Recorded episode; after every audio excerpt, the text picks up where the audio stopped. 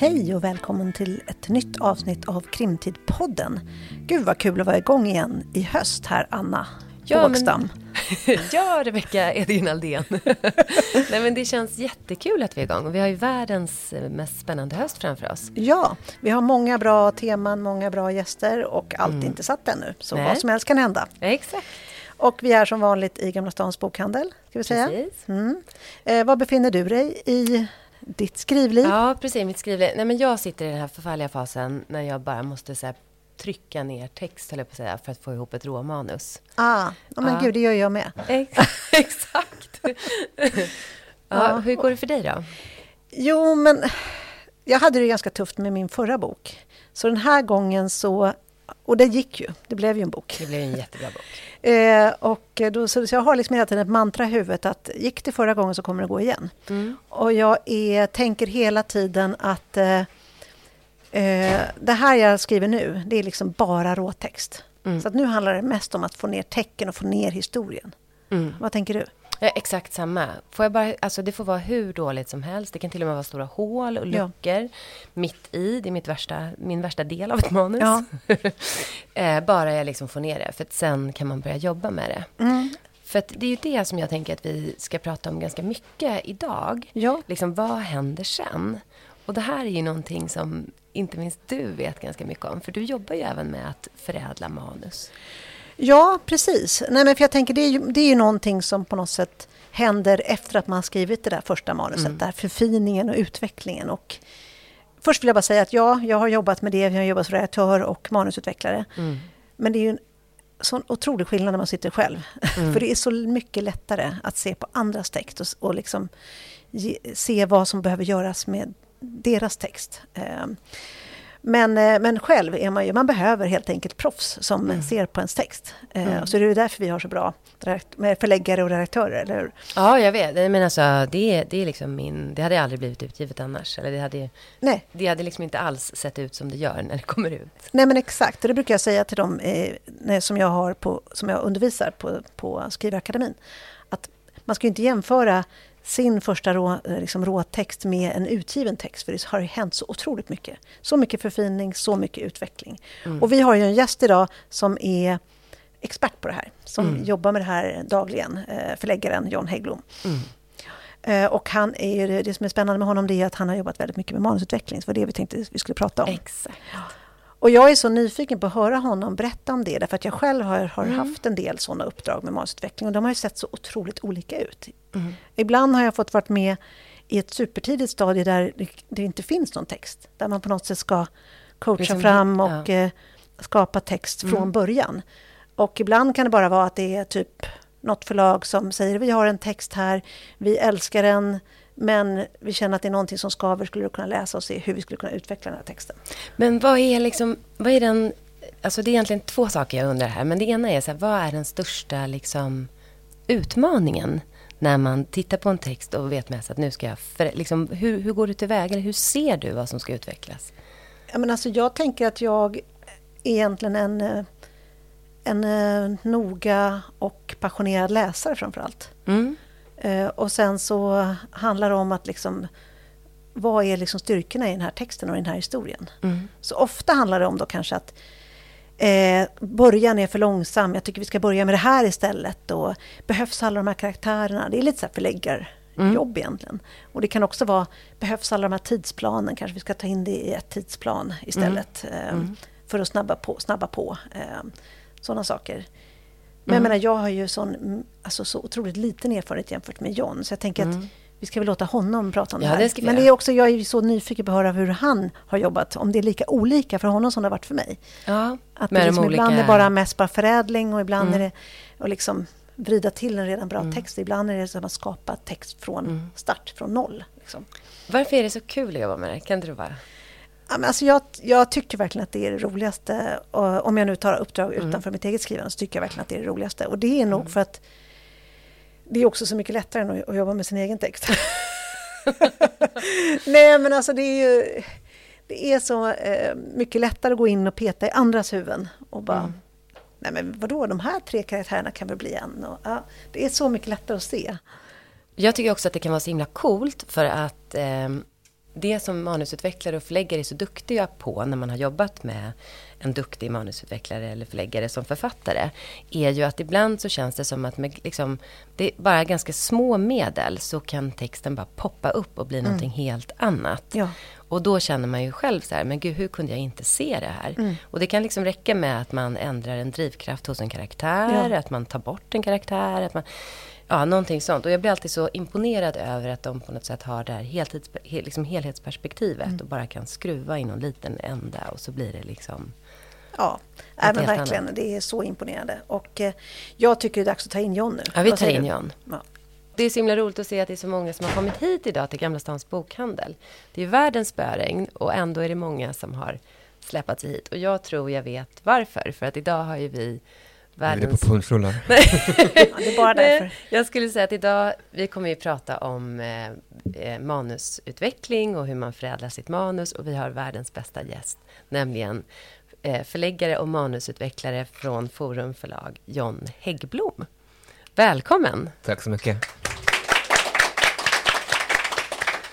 Eh, jag funderade så mycket på vad jag skulle säga när jag skulle presentera dig, för du har ju eh, många liksom befattningar kan man säga. Du mm. har både varit redaktör, du är förläggare med redaktörsansvar. Du ja, inte? Nej. Nej, det var... Jag var, alltså under ja. en tid så hade jag ju, då var jag, under en övergångsperiod så var jag redaktör, manusutvecklare och förläggare samtidigt. Just att man ska ha tre tjänster på 100 procent. Och det blir inte så att man jobbar, man jobbar ju 300 procent då istället. Ja, ja. Så att, eh, och sen så var det en tid då jag var förläggare med redigeringsansvar. Mm. Okay, och sen uh. så utvecklades jag sen till att nu är jag förläggare och hoppar ibland även in som manusutvecklare på vissa projekt. Ah. Men om man skulle samla det, kan man säga att du jobbar med att skapa bra historier? Yes, det var väl en jättebra sammanfattning tycker jag. Bra. Men jag tror att vi ändå, som du var inne på, kanske ska börja med att bara reda ut begreppen. För jag tänker att för oss som är författare, då kanske man har en, ett, en uppfattning om vad förläggaren gör. Eller mm. Man märker ju det inte minst när man jobbar med manuset. Och kanske vad en manusutvecklare gör också och vad en redaktör gör. Men kan inte du berätta lite vad man gör, både som förläggare och som manusutvecklare och vad som är skillnaden? En förläggare har ju någon slags paraply. Alltså den, är som, den har den övergripande kollen på ett bokprojekt och som förläggare så är det också mitt uppdrag att dra in nya böcker och författare till förlaget och hålla dem kvar på förlaget med varierad framgång. Så är det mm. ju. Um, med punschpraliner då eller? Eh, med punschpraliner framförallt. mm. Eller punschrullar. Mm. Um, och som förläggare är jag även den som läser, först, läser första versionen av manus och ger övergripande feedback till författaren. Um, och där kan även en manusutvecklare komma in och jobba med den övergripande feedbacken. Um, ibland finns det projekt där som förläggaren är inblandad i hela bokprocessen, med olika mycket. Men en stor del av förläggarens jobb är att även vara med vid lanseringsarbetet. Man är med och lägger grunden till en bra lansering. Och om man har ett projekt där det finns en stark agentur som, har, som vill ha många lanseringsmöten och du har en, en stor författare och med, där det finns en reklambyrå, det finns ett management. Då äts en stor del av förläggarens tid upp av lanseringen och då kan det vara väldigt, väldigt bra att ha en manusutvecklare. Så en manusutvecklare gör den övergripande allmänna läsningen i de första manusvänderna. Um, antingen tillsammans med förläggaren eller istället för förläggaren om förläggaren inte hinner. Och sen så finns det även förläggare som deras styrka är just att tänka marknad, tänka sälj, dra in bra författare, bra teman, men kanske inte har en textstyrka. Och då kan även en manusutvecklare vara bra att liksom läsa fram texten. Mm. Så din styrka är liksom att se hur, hur, vad ska man säga, hur det blir en bra historia? Ja, det hoppas jag. Varför vill man eh, jobba som manusutvecklare? Um, det var ju inte en roll jag sökte. Nej. Utan det, det var en roll jag fick. Um, men jag är väldigt, väldigt tacksam för den. Ja. Um, jag hade varit på, jag kom till bokförlaget Forum när jag var två år gammal. Oj, ja. det vill säga, jag, jag började på Forum 2004. Mm. Så att jag har ju, ja, ja. jag har varit där en väldigt, väldigt, väldigt, väldigt många år. Um, Vad började du som? Var det som redaktör? Ja, som redaktör. Jag, jag följde med Fitnessförlaget mm. till, till Forum. När Forum köpte Fitnessförlaget så fick de mig på köpet, för jag var anställd på Fitnessförlaget.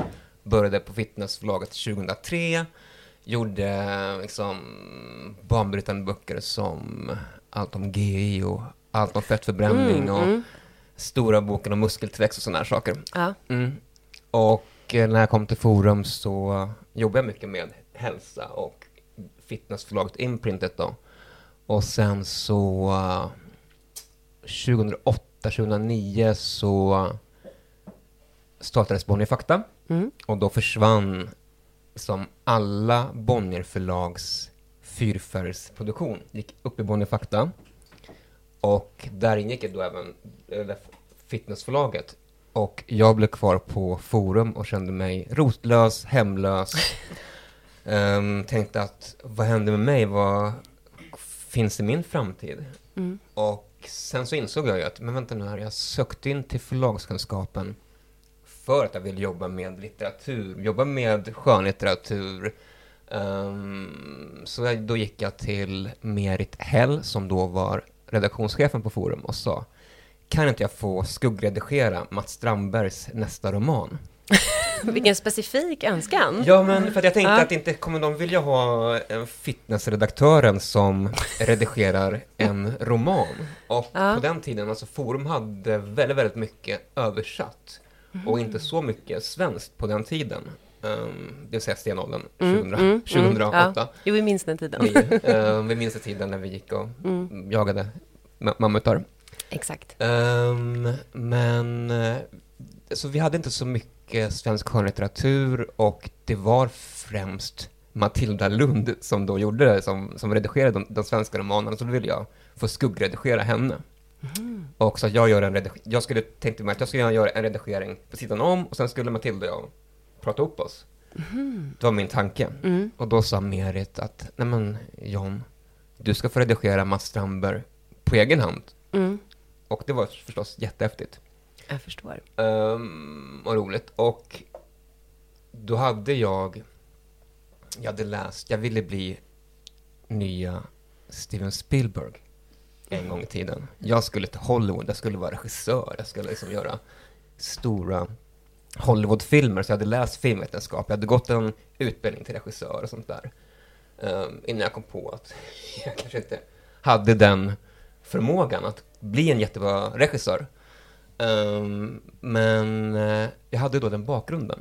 Mm. Så att jag hade läst mycket liksom, dramaturgi och använde mig av det när jag redigerade. Och det var ganska nytt på den tiden att någon inte bara satt med språk och konsekvens och logik, utan någon som även ville utveckla scenerna, utveckla storyn och prata med författarna om att men kan vi, som, ska vi stryka de här karaktärerna, ska vi slå upp de här till en karaktär, ska vi som, vad händer om vi flyttar de här scenerna liksom i mitten tidigare? Så vad händer med boken? Och det var ganska nytt. Um, framförallt på forumet och även, kanske även i branschen. Och Adam Dahlin som, då, som sen var chef på bokförlaget Forum såg det och tyckte att det var någonting bra jag tillförde. Och 2013 så frågade han mig om jag ville bli manusutvecklare. Och när får man en fråga då tackar man inte nej, utan då nej, då, tar man det som en mm. utmaning och tackar ja. ja. Men det här är ju väldigt intressant, för att du, det du säger egentligen är att manusutveckling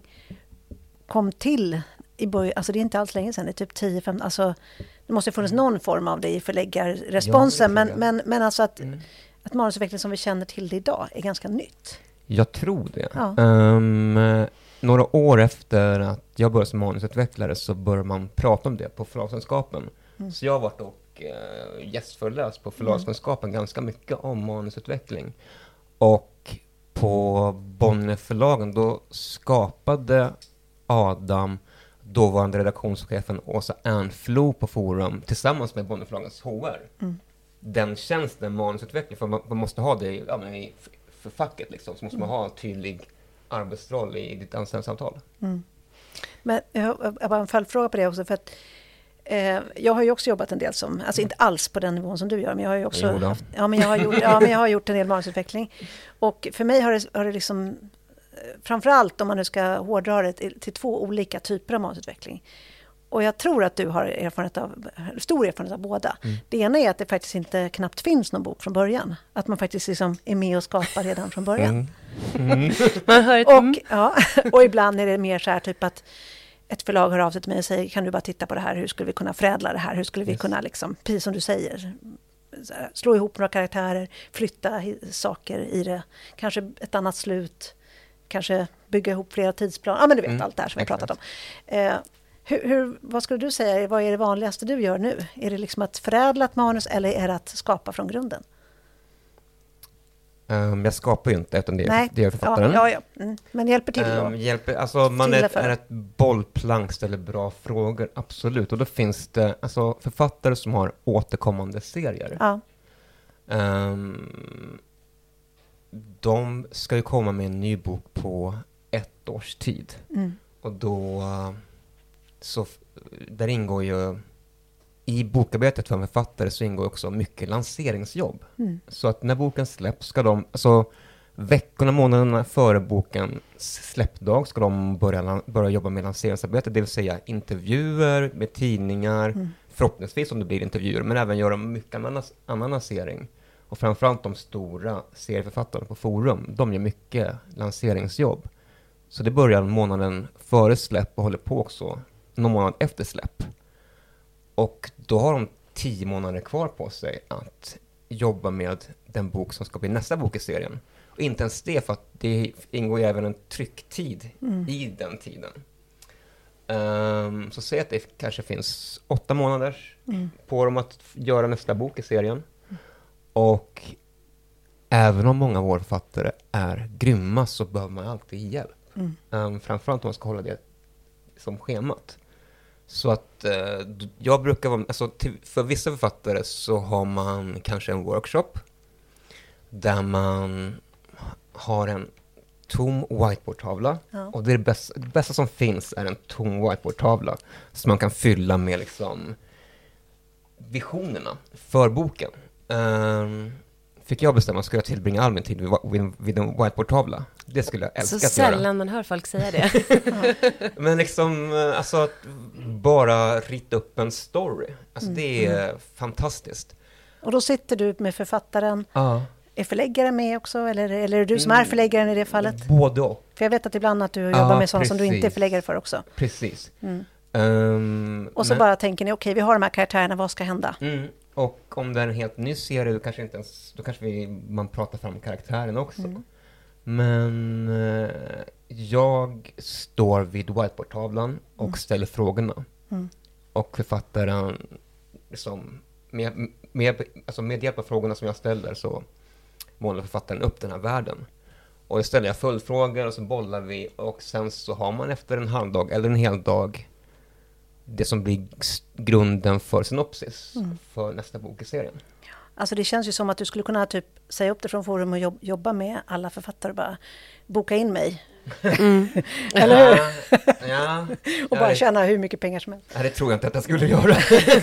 Nej, jag skojar bara. Men, mm. men jag måste bara, åh det här är så spännande, för jag vet ju också att du jobbar med en del så här writers room, att du, mm. och då, då skapar du ju serier från grunden, att det är mm. liksom saker som inte ens finns. Mm. Och ni sitter flera författare och du och liksom, ja, och, alltså. Alltså till exempel så satt vi med men det är inte krim, men det är okej att jag är helt ja, liksom okay. bara... Ja, nej, men jag tänker ja, Ellens val till exempel. Ellens val, mm. Ellens val är en serie på Forums imprint Love Reads. Mm. Um, där jag, en dramaturg och en författare mm. tillsammans skapade den serien. Ja. Helena. Helena som Dahlgren. Som brukar vara med mm. här ofta. Mm. Hon är otrolig på alla sätt och vis. Um, så att hon skrev de första, två, första en eller två delarna mm. och skriver även de, de sista två i den här serien. Men hon och jag och en dramaturg satt där i vid fyra, fem Writers Room-tillfällen med hemläxa däremellan och mm. skapade liksom karaktärerna, miljön, eh, storyn för de här tio, tio delarna. Så vi hade en bibel på 800 sidor om, ja. om vad den här serien skulle innehålla. Mm. Men för jag tänker, du sa ju det här med Steven Spielberg, att du drömde om Hollywood. Mm. Och när du berättar nu, och jag har också tänkt den här tanken tidigare, för jag har ju träffat många författare, mm. Frida Andersson Johansson till exempel också, som har suttit Just. i Writers Room, eh, och Helena, att det blir ju mer och mer likt hur man jobbar med mm. film yes. och tv-serier.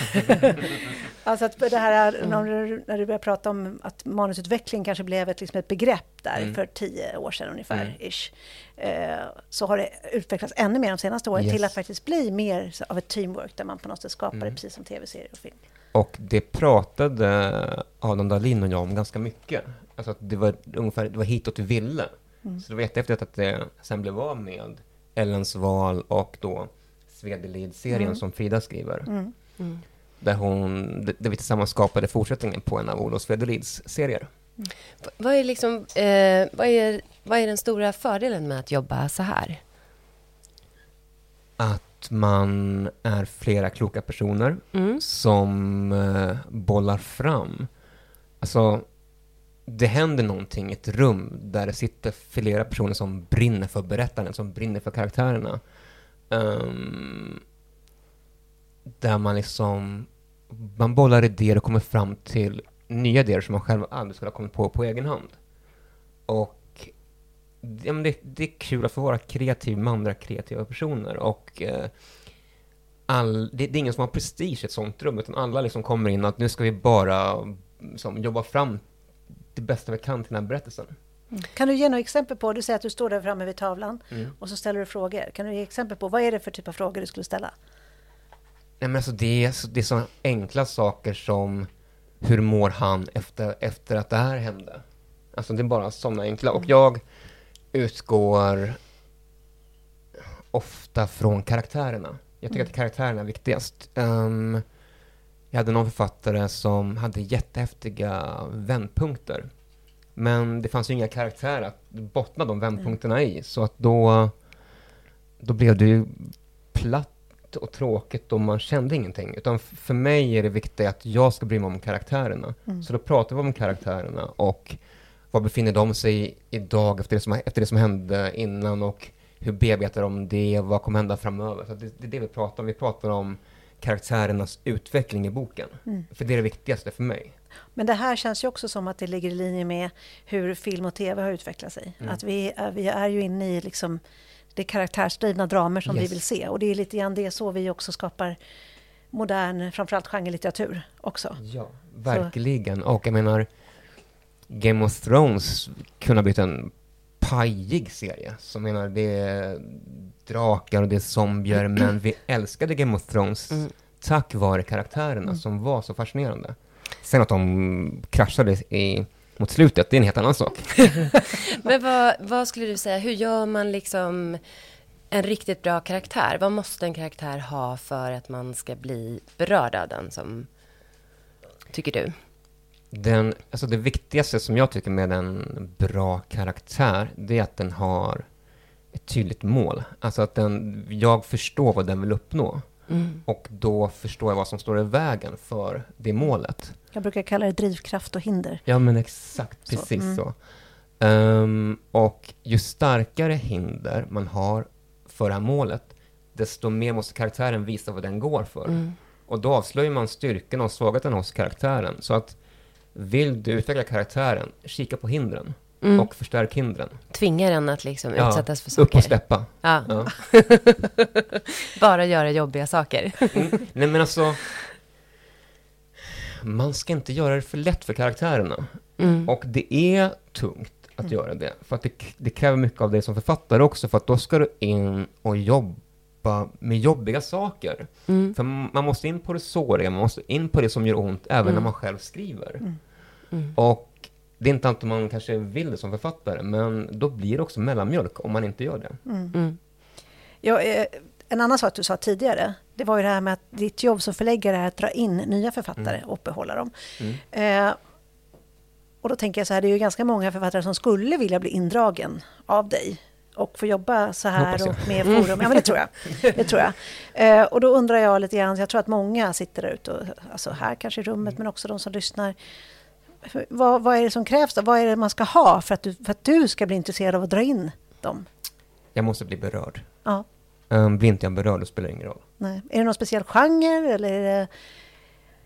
Nej, alltså, det, alltså jag, jag kommer ihåg att era frågor var så här, vad är det som är trendigt nu och sånt där. Mm. Jag mm. bara, oh, jag har ingen aning vad som är trendigt nu. Um, utan jag satt och kollade, då, då kollade jag så här på, mm. jag, jag var tvungen att ta fram som Crime Times eh, mm. seminarier och mm. scensamtal mm. för att se vad, vad, vad, är det för böcker som vi har nu i år. ja, då är det ändå Crime Time general. ja, då är, är ändå Crime Time general. ja. Nej men alltså för att,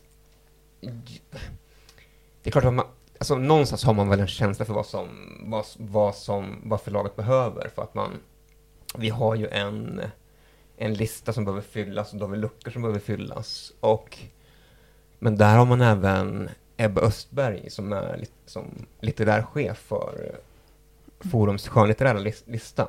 Hennes roll är ju också att se till att vi har som en, en bra plan för Forums utgivning framöver. Och då kan jag vara superberörd av ett manus och så säger hon att men John, vi har tre andra ja. i linje med det här, så vi kommer inte kunna lyckas. Mm. Um, men vi kollar, alltså, så att vi, fordonsförläggare kollar hela tiden på årsöversikten för att se som mm. Mm. framöver också, för att se vad, vad är det vi behöver, vad, vad, vad finns för, för lucka. Men jag tror egentligen att någonstans är det väl att man vill ha det som man inte visste att man ville exakt, ha. Exakt, Alltså att det, det går ja. inte att säga, för man vill ju inte ha en kopia av det som redan Nej, finns. Nej, och det, alltså, oftast får man, alltså till spon, alltså, det man kallar för spontanmanusen, alltså vår mm. manusinkorg, mm. det är ju när vi får manus från alla där ute som, som, vi, som vi kommit på ett förlag, mm. som, där vi inte har varit i, som i, i, kontakt med dem, utan de skickar till oss. Då mm. kommer det till Forums manusserver, och i den inkorgen så ligger det väldigt många kopior av det som, som redan mm. finns där ute. Mm. Hur många av dem då blir? För förut har man ju pratat om så här två av 2000 eller något sånt Men, typ. typ så. Ja. Mm. En, två av Ja, en till två, ja precis. Men ni läser dem i inkorgen? Ibland så tror man att, att inte det händer. Vi skummar. Ja. Um, nu är inte jag med i manusgruppen mm. länge, men jag, när jag, jag var ansvarig för manusgruppen på Forum tills jag blev Cramptime-general. Mm. Jag var tvungen att liksom, ta bort, ta bort någonting från, ja. Från det. Och vi Forum får väl kanske 30-40 manus, 30-50 manus i veckan. Ja. Um, bara på skönlitteraturen. Sen så finns, har vi även en fackutgivning, och så finns det som, så det, finns, det kommer många, och det är bara de som kommer spontant. Mm. Sen så är vi i kontakt med agenturer och andra skribenter som vi också liksom käka lunch och frukostar med och prata framtida böcker. Men till Forums manusgrupp så kommer ja, men mellan 30 och 50 manus i mm. veckan. Många, många fler efter längre ledigheter. Så efter sommaren, efter julen så... Efter pandemin har jag förstått. Efter pandemin, alltså under pandemin, efter pandemin kom det jättemycket. Men framförallt som, som om man ser över tid så mm. efter semestrarna kommer mycket manus. vad ska man mm. göra för att sticka ut? För vad, vad ska man Skriv göra för att bli det? Ja, precis. Men hur gör man det då? Alltså liksom, du säger bli berörd. Ja. Kan du ge något annat? Liksom? Du ska fångas direkt? Jag ska, eller? jag ska, alltså, precis, alltså. Jag måste fångas direkt och förstå vad det är jag läser. Jag måste förstå vad karaktärerna vill uppnå. Mm. Alltså, på de första 30-40 sidorna så måste jag förstå okej, okay, det är det här som är står på spel. Liksom. Vad som står på spel, det här, här är de har en, en bra startpunkt när någonting händer och jag fattar, okej, okay, det är det här som har hänt, det här står i vägen, det här ska de uppnå. Mm. Och varför? Och mm. varför, varför de måste uppnå det här nu. Mm. Det behöver komma in tidigt i berättelsen och fånga mig. Men framförallt också bearbeta. Mm. Jobba igenom manus. Um, Hur viktigt är språket? Det får inte kännas slarvigt. Men man behöver inte vara Joyce Carol Oates. Liksom. Mm. Utan det viktiga är att du har bra karaktär och du har en bra berättelse. Um, som är inte unik, för det är ingenting som är unikt. Nej. Men eh, som man kanske inte har sett jätteofta förr. och eh, också kanske en ny twist på det. Mm. Och ibland så vet man inte vad det är som fångar en. För att, um, nu kommer jag babbla någonting som kommer komma ut 25. Så att jag ber om ursäkt att jag pratar långt in i framtiden här, men... Ni, det är väl ofta så att ni lever typ ja, ett, ett och ett alltså, halvt år Alltså, Forums skönlitterära lista är ju full 24 och halva 25, mm. kanske nästan hela 25 också. Så vi, vi jobbar hela tiden framåt. Ja. Men jag och några andra förlagsmänniskor och några författare är med i en skrivgrupp. Vilket är jättekul. Det blir kul för mig att vara med i en skrivgrupp och få feedback från andra. Mm. Och inse hur jobbigt det är att få återkoppling. Mm. Um, för du, du utvecklar mig, okej, okay, okay, mamma, okej, okay, så där vill inte jag, så där vill inte jag ha feedback från någon på min text. Mm. Och då, vet, då kan jag bära med mig det när jag jobbar med författare. Um, sen också tänka att det är bra att vara kreativ och liksom hålla den delen av hjärnan vid liv hela tiden. Um, så jag är med i en skrivgrupp där jag skriver olika mycket varje gång. Men eh, det är bra människor där, som är med där. Men så finns det en författare som med stor framgång har gett ut barn och ungdomsböcker. Um, fått priser och sålt jättemycket. Och som kom med typ 20 sidor på någonting nytt. Mm. Och det var spänning för vuxna. Och det, det, var ju jag och andra förläggare, med, ju med, alltså mina konkurrenter är ju med i den här skrivgruppen. Mm. um, men jag läste de här 20 sidorna och jag var helt blown away. Jag, jag, jag drogs in på en gång och jag brydde mig om karaktärerna på en gång.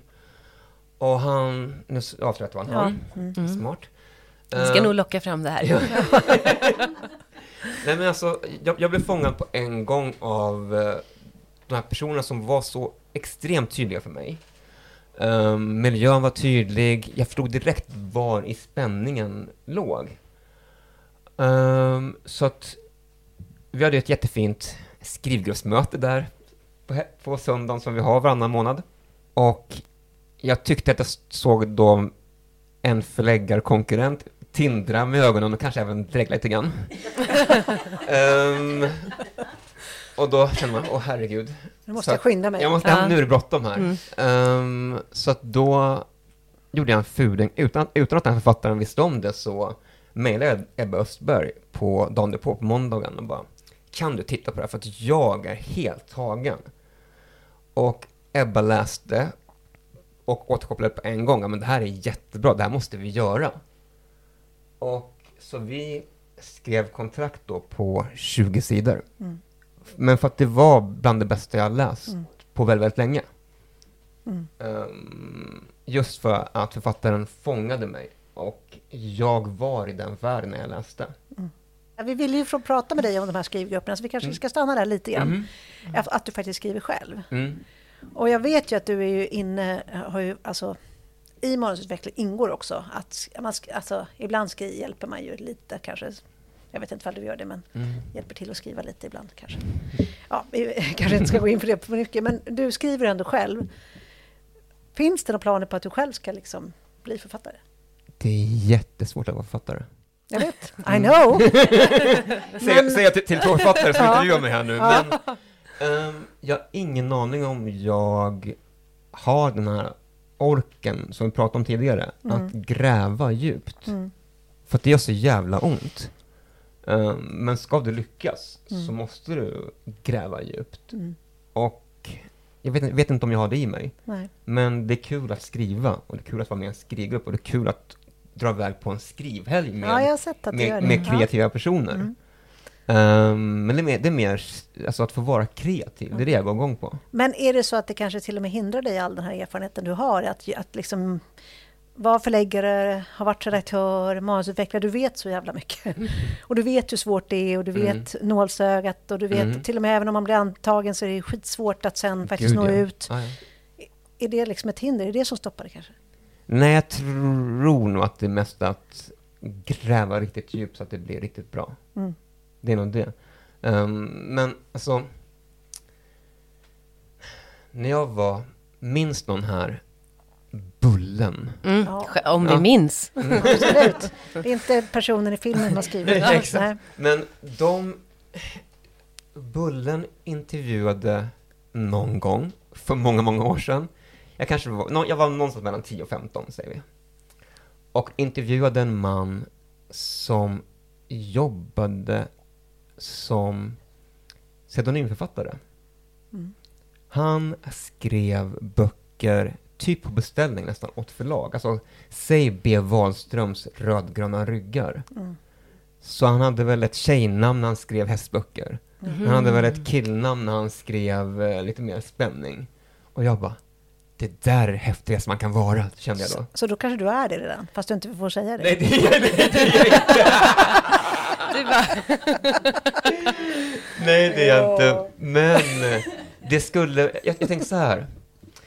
Sista tio åren av ens karriär, ja.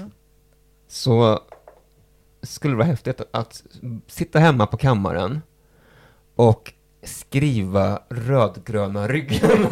Men... och eh, göra någon, någon serie, fem böcker om någon ridskola och någon serie, mm. fem böcker om några, några barn som upptäcker en annan värld. Men alltså, något sånt. Mm. Det skulle vara häftigt. Mm. Och, men inte liksom vara författaren, Författare, utan mm. bara vara skrivande.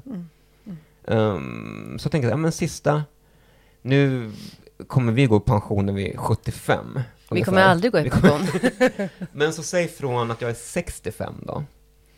Um, så tänkte jag, men då ska man kanske så här, skri skriva, på, skriva, skriva på beställning och uh, ta uppdrag som manusutvecklare. Mm. Det skulle jag kunna tänka mig. Ja, men det, det låter bra. Jag tror på det här. ja. Men någonstans när man eh, samlar ihop det här så låter det som att du egentligen, eh, du vill, vill göra det här då fast lite, inte som författare egentligen, utan Nej. du vill mest leka, eller? Nej men att få vara kreativ och jobba med en berättelse på olika sätt, alltså det är det som man alltid har. Allt från serietecknardrömmarna till regissörsdrömmarna till det som sen blev redigering. Alltså att jobba med berättelser, mm. det är typ det bästa som finns. Ja, men det är ju det tycker jag. För jag skulle vilja komma in till det liksom lite mer eh, och bena lite i just berättelser. Eh, mm. Eh, för vi har ju pratat om att du vill bli berörd och att det, är liksom, det viktiga är att man vet karaktärens drivkraft, att man känner med karaktären. Eh, men jag skulle vilja komma in lite på story. Mm.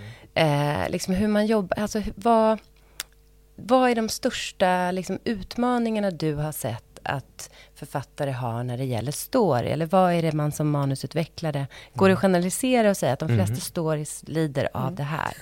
Ja, men det skulle jag väl säga. Så kanske vi kan fylla i här. Men, uh. men alltså, det här har jag sagt tidigare. Så om man har, om man har som sett, jag har ju haft på Instagram har jag haft så här mm. livesändningar där jag nämnt det. Men jag tycker att de vanligaste felen i alla fall hos någon som är ambitiös. Sen har vi tvärtom, de som vill för lite. Mm. Men de som är ambitiösa och vill för mycket, då har de, det är för många karaktärer, det är för många berättelser. Så att jag tänker, of, alltså, of, min vanligaste feedback är, kan vi stryka minst hälften av karaktärerna och hälften av berättelserna i, i din roman? Ja så kan det som är kvar få blomma ut och mm. du kan verkligen få karaktären full av, av liksom kött och blod för att du har tid och ord på dig att faktiskt ut, att jobba med mm. dem. Mm. mm. Ja, verkligen, verkligen. Det ska jag säga är det vanligaste, att man, man, det mm. är för mycket. Mm. Och då blir det svårt, alltså man måste rensa i röran. Ja.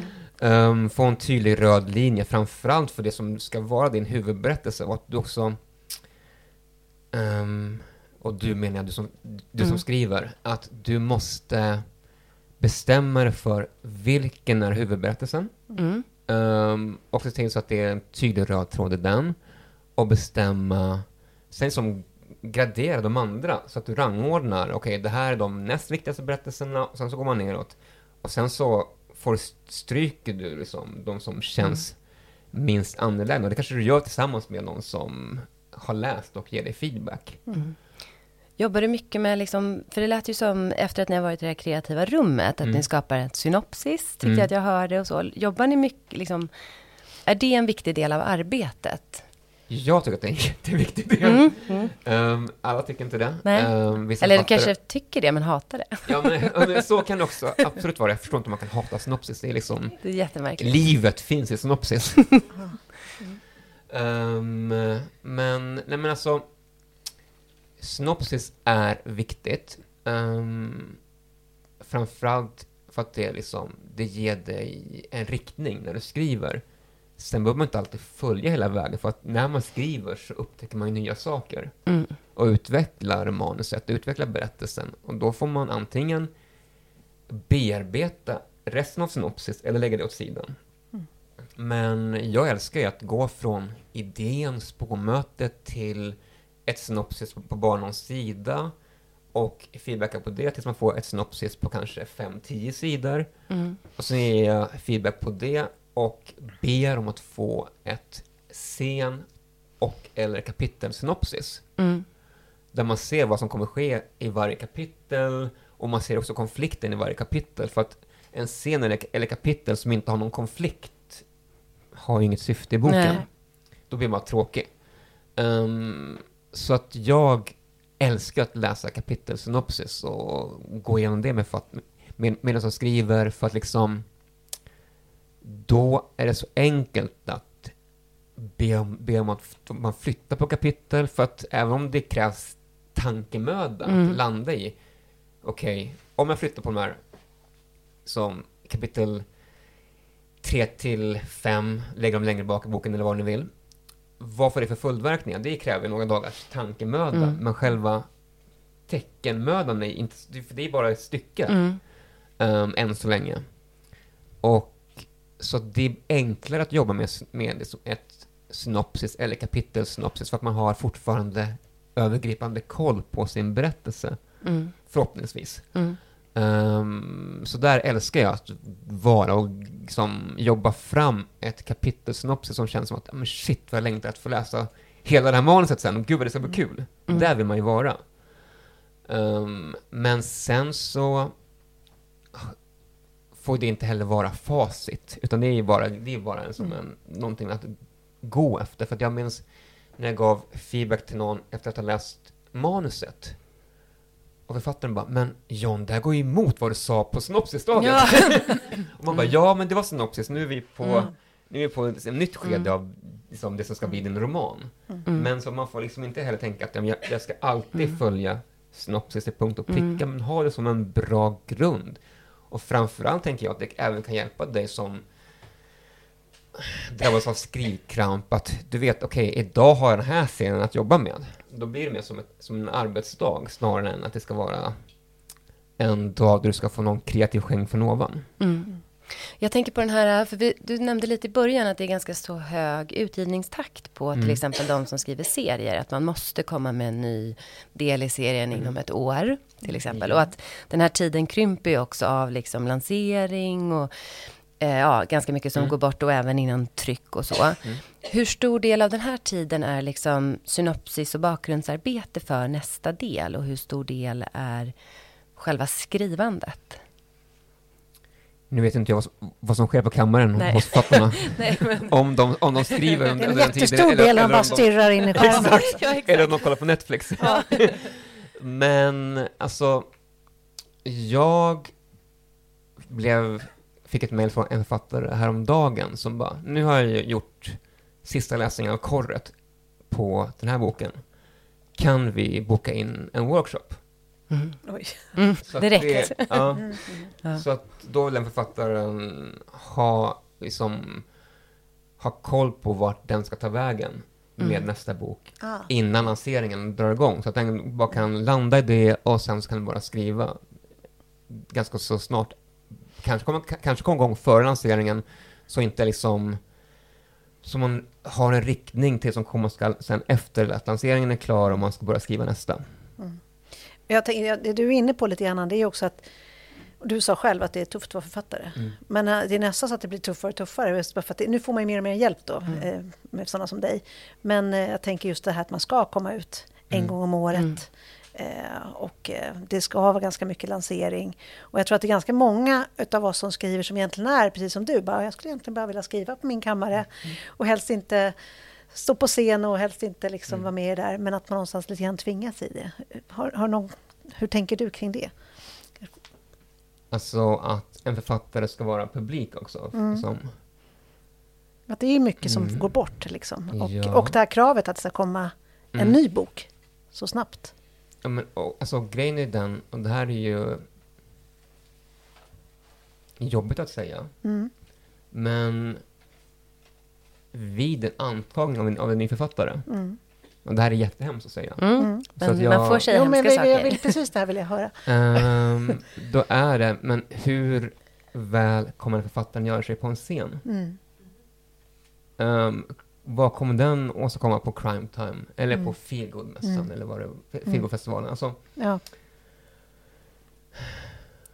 Och just, alltså, Forum har en sån, just nu i alla fall, man har ingen aning vad, vad som sker i framtiden, men just nu har forumen ja, men väldigt, väldigt många böcker antagna. Mm.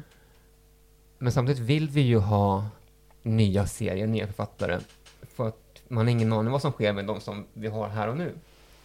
Så vi måste ju få in nya, nya, nya författare, vi måste få nytt syre till listan. Men eftersom det är så pass fullt, då kan det vara så pass hemskt att har man två jämbördiga manus, mm. Mm. då kan det vara så att om den här har en tydlig plattform, mm. den kommer nå ut från början starkare mm. och tydligare. Och den här personen är också mer van att stå på en scen, att vara rampljuset. Kommer göra sig bra i Nyårsmorgon eller god kväll eller vad det må vara. Mm. Och då blir den antagen istället. Sen mm. självklart är det ett jätte, jätte, jättebra manus av någon som absolut inte vill synas och vi alla känner att den här boken måste ut för att den är så jävla bra. Då är det klart att vi antar mm. den boken. Men återigen, om vi har, om vi har, okay, att vi, vi har plats för en till bok nästa år eller, eller vad det nu må vara. Och vi har två likvärdiga mm. manus. Då antar vi den som ja. kommer få publiken med sig på Crime Time. Ja. Och nu pratar du, pratar du om all litteratur eller pratar du framförallt om genrelitteratur nu? Absolut kommersiell genrelitteratur. Ja, exakt. Mm. Mm. Gud ja. Alltså, ja, ja, precis. Um, ja, men det är tydligt det, att förtydliga det. Ja, liksom. det är så för att den vanliga romanen, mm. den har ju helt andra mm. villkor. Återigen, liksom tät utgivning. Det, det behövs be, inte. Det behövs inte. Alltså, där ska ju författaren land, verkligen, verkligen få landa i sin berättelse och vad den vill säga och få smaka på minsta tecken i manuset. Mm. För att det är det som krävs för den romanen. Och, men även alltså, en romanförfattare har ju inte heller kraven på sig att sälja. Nej. Varför då? då? ja, det är intressant att bara... Mm. Men ofta, alltså, eller så här, en romanförfattare som får ett jäkligt högt förskott måste ju sälja. Mm. Men för det mesta så har, betalar man inte jättemycket jämförelsevis Nej. för en romanförfattare i förskott. Och då finns det inte heller krav på att vi måste känna in det här. Nej. Och det är kanske andra värden, alltså att man hamnar värden. på ja. kritikerlistor och recensioner. Absolut. Och, ja. Så att eh, en, en roman ska ge cred. cred till förlaget. Den ska ge fina recensioner. Um, den ska göra att förlaget känns som ett bra ställe att vara på. Mm. Um, för att det är ofta så att de bästa kommersiella författarna de som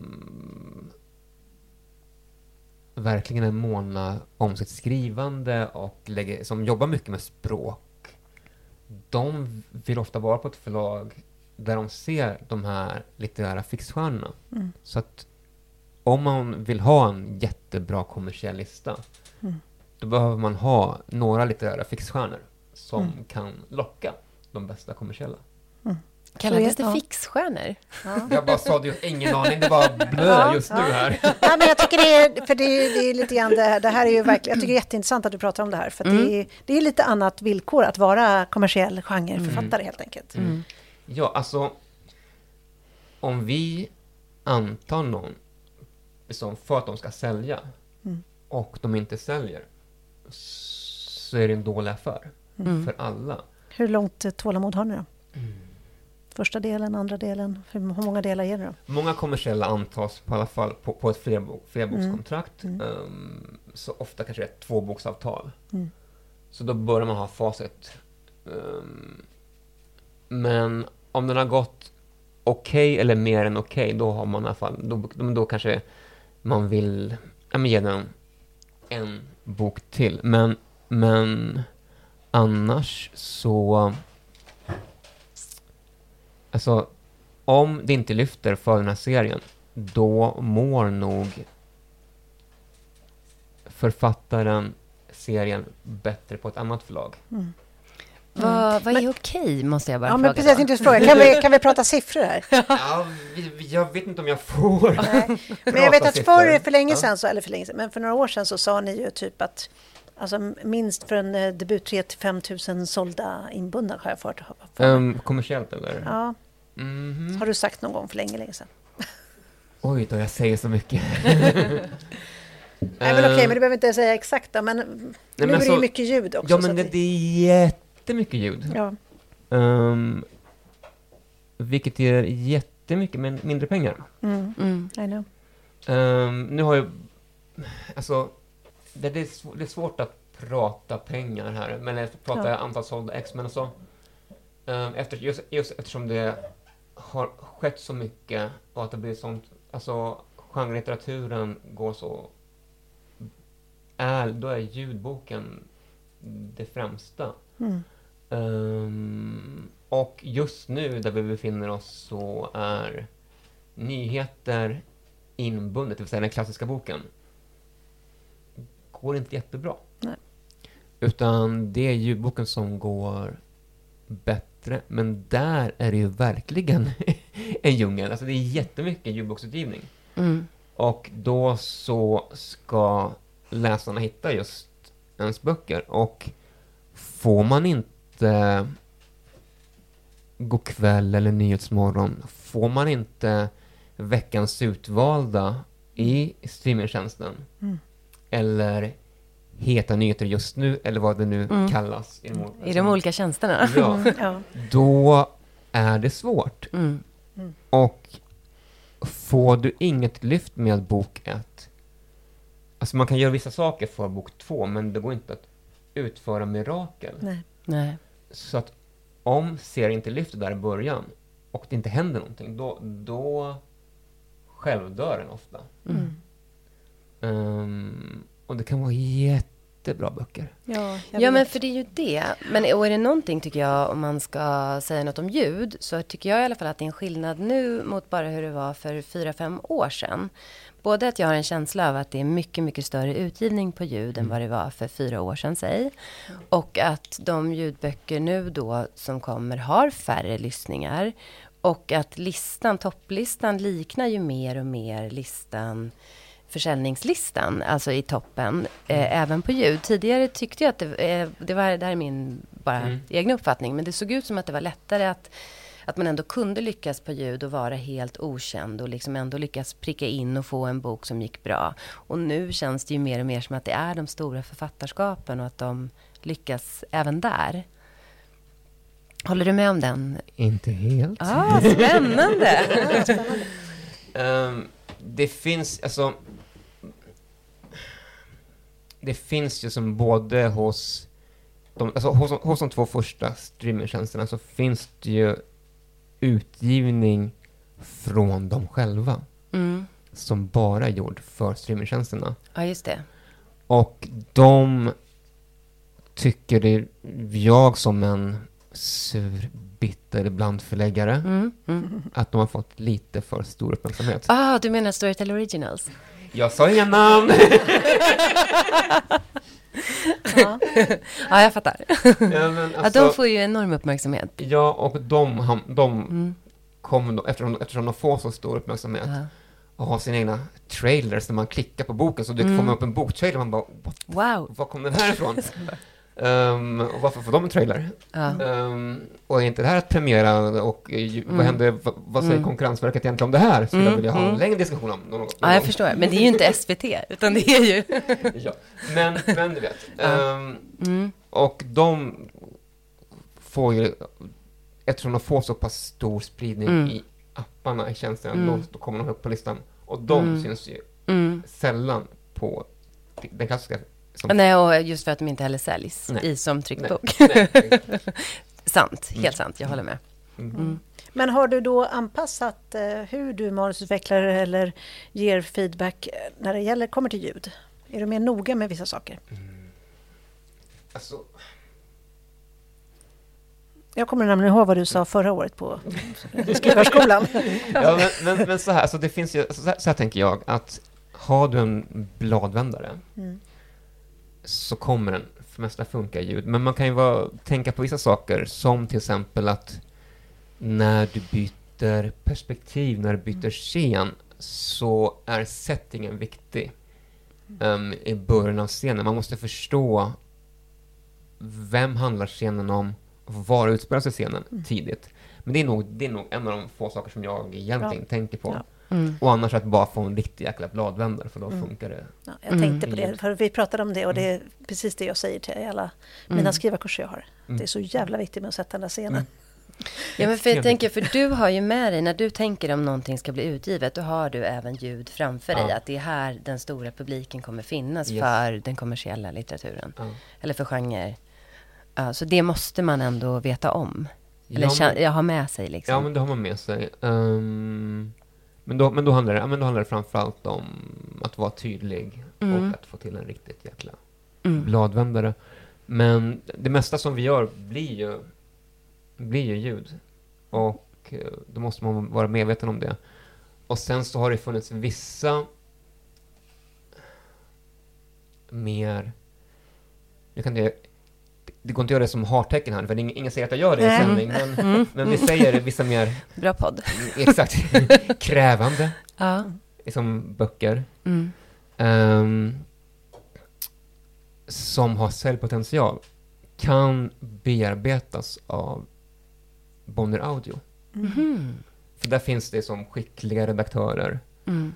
Uh, vi har till exempel en skicklig, skicklig ljudboksredaktör som jobbat mycket med radio. Mm. Som var med och bearbetade Niklas Atterdag. Mm. För att den Så liksom den är lite funka. annorlunda i tryck? Ja, den, lite, den, den, alltså, ah. ljudboken blev lite, lite ah. annorlunda. De, okay. de, och jag vet, vet, inte vad de gjorde för att jag var inte inblandad i det, men, men jag vet om att det var en av den första delen i serien ja, jag förstår. Mm. så var det en bearbetning mm. för mm. ljudboken. Ja, det är jätteintressant. Eh, och det så, jag har så mycket frågor, men tiden börjar rinna mm. ut. Men jag tänkte bara snabbt komma in bara på Crime Time. Mm. Eftersom du är ju, det är första året som du är mm. eh, då programchef, eller vad är din titel? Jag var... Något sånt. Min titel? Typ General... Programansvarig, programansvarig. tror jag man kan, ja, kan säga. Ja, just det. För det, det, här kommer ju komma ut innan Crime Time. Hur har det varit att jobba med Crime Time? För det mesta jätte, jätte, jätte, jätteroligt. Mm. Har du hunnit med dina vanliga, ditt vanliga jobb? Jag vet att alla som jag pratar med som har varit haft den här rollen bara, det är mm. så mycket. Ja, men vi visste om att det skulle vara mycket så att jag mm. jag fick mindre att göra på andra håll. Mm. Mm. Så att jag har haft det ganska gött. Ja, men vad härligt. Vad härligt. Um, och framförallt jobbar man med en jättebra grupp. Um, ja, det är representanter från andra förlag. Ja, mm. precis. I årets som programråd så var det representanter från Albert Bonniers förlag, Norstedts Bookmark, um, Polaris och kanske något förlag som jag nu här i sittande stund glömmer bort. Mm. Och sen även en, en från Bokmässan mm. som hade kontakt med alla andra förlag också. Mm. Vad ser du mest fram emot på Crime Time? Ja, allt ska jag säga. Mm. Nej men alltså det, det kommer vara några riktigt, riktigt roliga samtal. Vet om att det kommer vara något, ett sådär bis, nu säger jag bisarrt, men det är nog inte bisarrt, men ett, ett roligt samtal. Liksom, för att det finns tre böcker um, som utspelar sig under jorden, i grottor. Oh. Så nu kom, då har man liksom samlat dem, tre olika typer av deckare som så här... Minsta gemensamma nämnare. Men, men så här, verkligen så här, liksom, liksom, att det inte bara liksom är liksom undre utan här är verkligen undre världen. Ja. mm. Den, ja, vad spännande. Den, den kommer bli kul. Men, men, sen så tänker jag även att det kommer bli kul med... Jag är jätte, jätte, jätte förtjust i Lisa Jewel. Mm. Hon är jättebra och hon kommer ha flera samtal på, på mässan. Och sen så hoppas jag få möjlighet att gå på Camilla Läckbergs seminarium. För att vi har en ny som en vinkel på seminarierna. För att det jobbiga med Crime Time är att Crime Time har ett sånt jäkla bra scenprogram. Mm. Och scenprogrammet ingår i entrébiljetten. Så då får man ju lyssna, mm. alltså, får får man inte, men för man, betalar, man betalar dyrt för mm. entrébiljetten. Mm. Men har man väl köpt den, då har Crime Time ett fantastiskt scenprogram med så otroligt många spännande, bra samtal. Mm. Att seminarierna, där man betalar extra, mm. Mm. kanske har fått lida lite för det. Så att vi har liksom, hur, hur, hur kan vi göra för att spice upp seminarierna? Mm. I år så har vi en rolig inslag är ett slags min sanning-samtal. Ja, just det. Mm. Um, där man liksom får verkligen djupintervjua en författare. Mm. Och då så kommer, och nu borde jag komma ihåg vem som ska intervjua henne, mm, uh, men Läckberg kommer i alla fall liksom djupintervjuas om sina år som författare. Mm, hon, hon firar ju 20 år. Hon firar 20 mm. år i år. Det är mm. väldigt häftigt. Mm. Ja, supercoolt. Mm. Har du jobbat med henne och hennes böcker? Um, jag, min första Camilla Läckberg var Häxan. Mm. Okay. Kan du bara, egentligen borde vi gjort det redan i introt, men kan du bara nämna några författare du har jobbat med? Fast vi förstår här vilken... Um, Vilka jobbar du med? Ja, men jag jobbar med Camilla Läckberg, Vivica Sten, Kristina Olsson, Anders Delamott. Um, jag har jobbat med Pascal Engman och Johannes Selåker. Um, jobbade med första Niklas Natt och Dag. Jobbat med Fredrik Backman. Ninni Schulman. Mm. Ja. ja. Ja, men det är bra. bra. Rätt så bra namn sådär. Ja, men verkligen, Gud, de är, en del är ju gäster i vår podd. ja, precis, precis. Men du, jag ser att klockan är, börjar bli så mycket. Ska vi bara släppa in publiken och se ja. om vi har någon fråga? Vi brukar alltid göra det. Har vi någon fråga från publiken? Till John. Jo, men jag har en fråga till John. Vi har faktiskt jobbat på forum på forntiden. Faktiskt. Men ja, i alla fall. Mm. Det jag skulle säga var att det är så många författare som tackar dig i sina efterord. Väldigt översvallande så att när jag lite läser mellan raderna så känns det som att du har ganska mycket hjälpt till att skriva mycket av boken. Det känns som det. Så jag tänker, har du varit lite blygsam nu när du säger att Nej, men jag bara ställer frågor eh, och så får de svara? För att ja, jag tror att du gör väldigt mycket. Ja. Nej, Bra, det var det vi hintade förut. Ja. Nej, men, alltså, så du gör mer än alltså- vad du vill erkänna? Nej, men jag tänker väl med att det finns vissa författare som är översvallande. Det är väl snarare det. Um, och fick jag bestämma skulle det inte finnas tack i böcker. Va? Nej, men för att jag känner att det är liksom... Mm, jag lärde mig så här att en god förlagsmedarbetare verkar i det tysta. Mm. Um, och det skulle, alltså, vilket är svårt, för att idag så måste man som förläggare i sociala medier slå på trumman och här är mina författare, lalala, just för att man idag så är sociala medier en del av lanseringen av författare. Och det är också en, ett sätt för mig att visa upp mig och locka andra författare.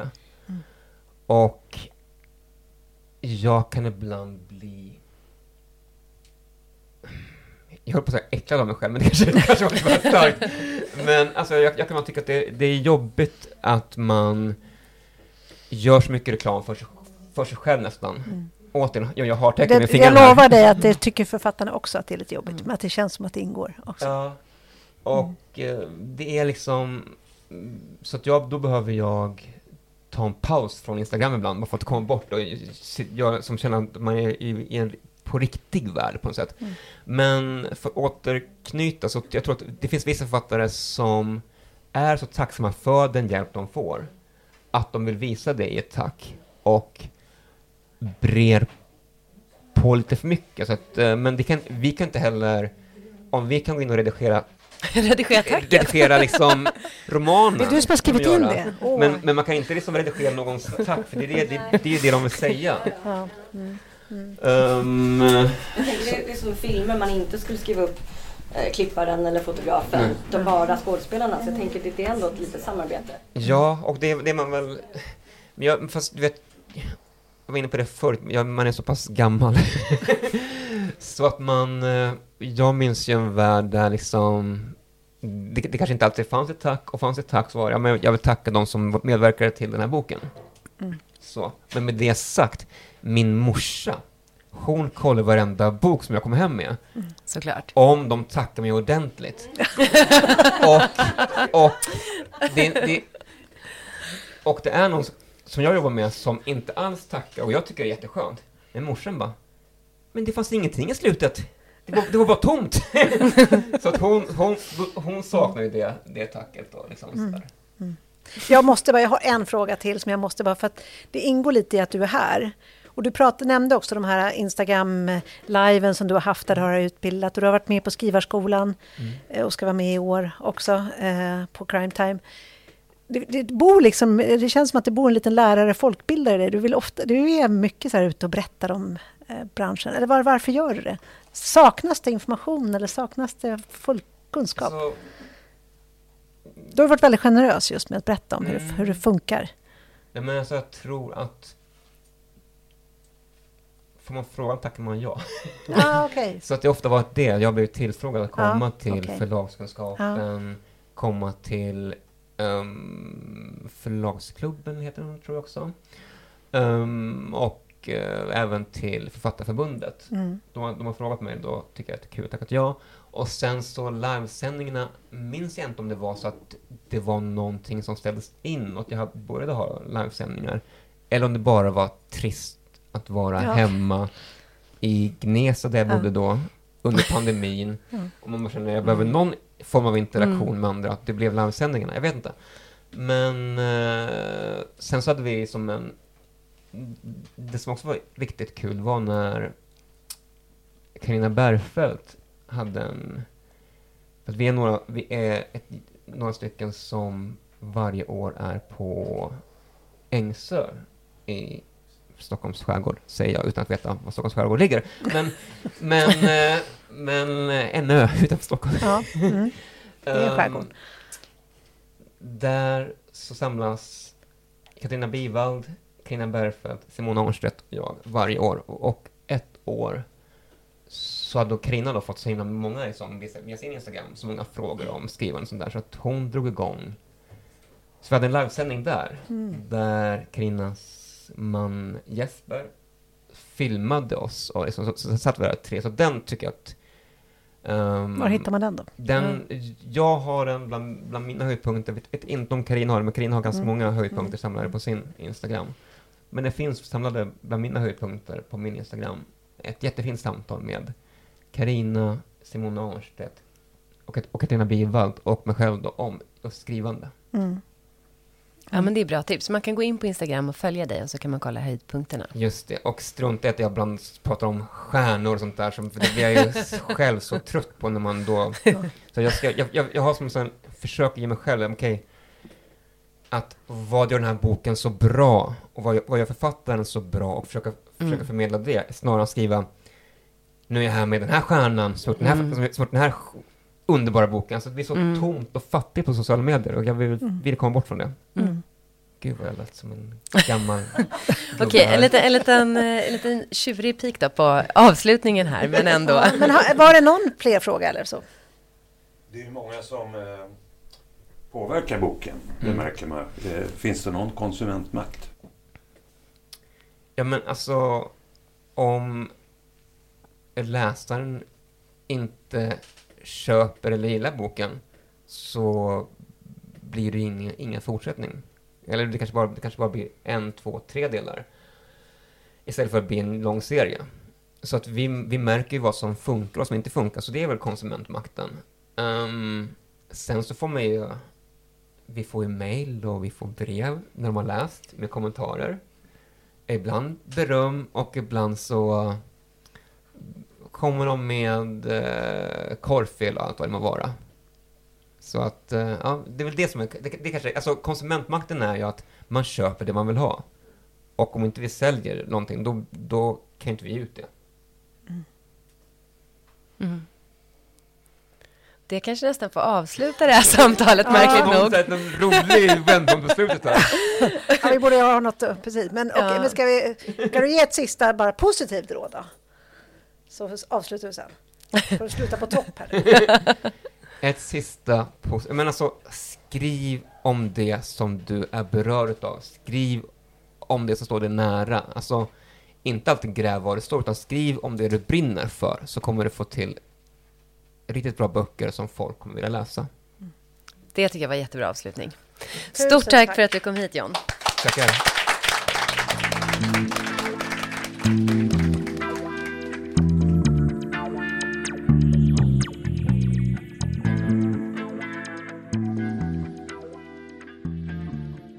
Det här var ju så spännande att höra John berätta om manusutveckling, hur det går till när man liksom skapar nya universum i det här Writers Room.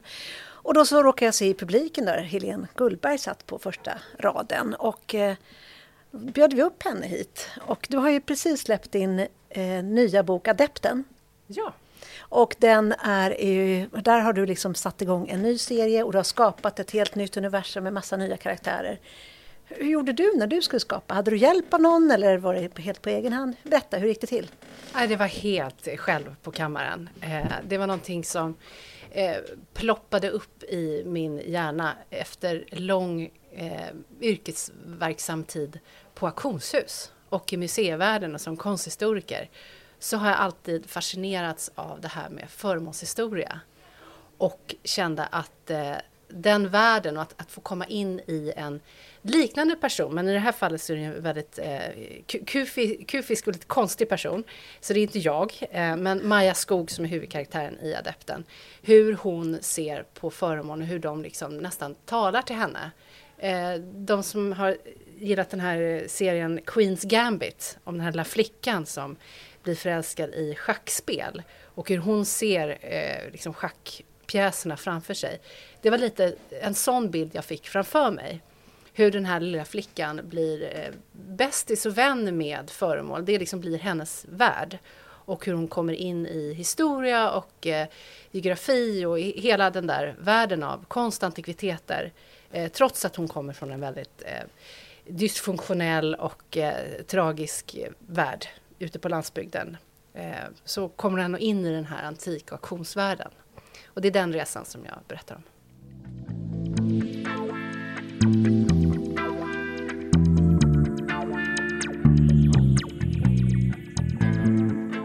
Åh, vad spännande det här var. Eh, det känns ju jätteroligt. Och det känns himla kul att vi är igång också. Ja, verkligen.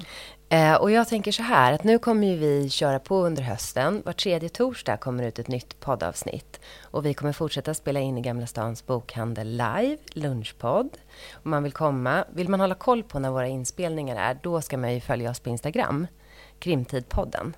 Det tycker jag låter som en bra idé. Ja, det är där vi kommer lägga ut information om vem som är gäst och när man ska komma hit. Toppen! Ja, men då säger vi väl hej då. då. Ja, hej då! Tack hej då. för idag!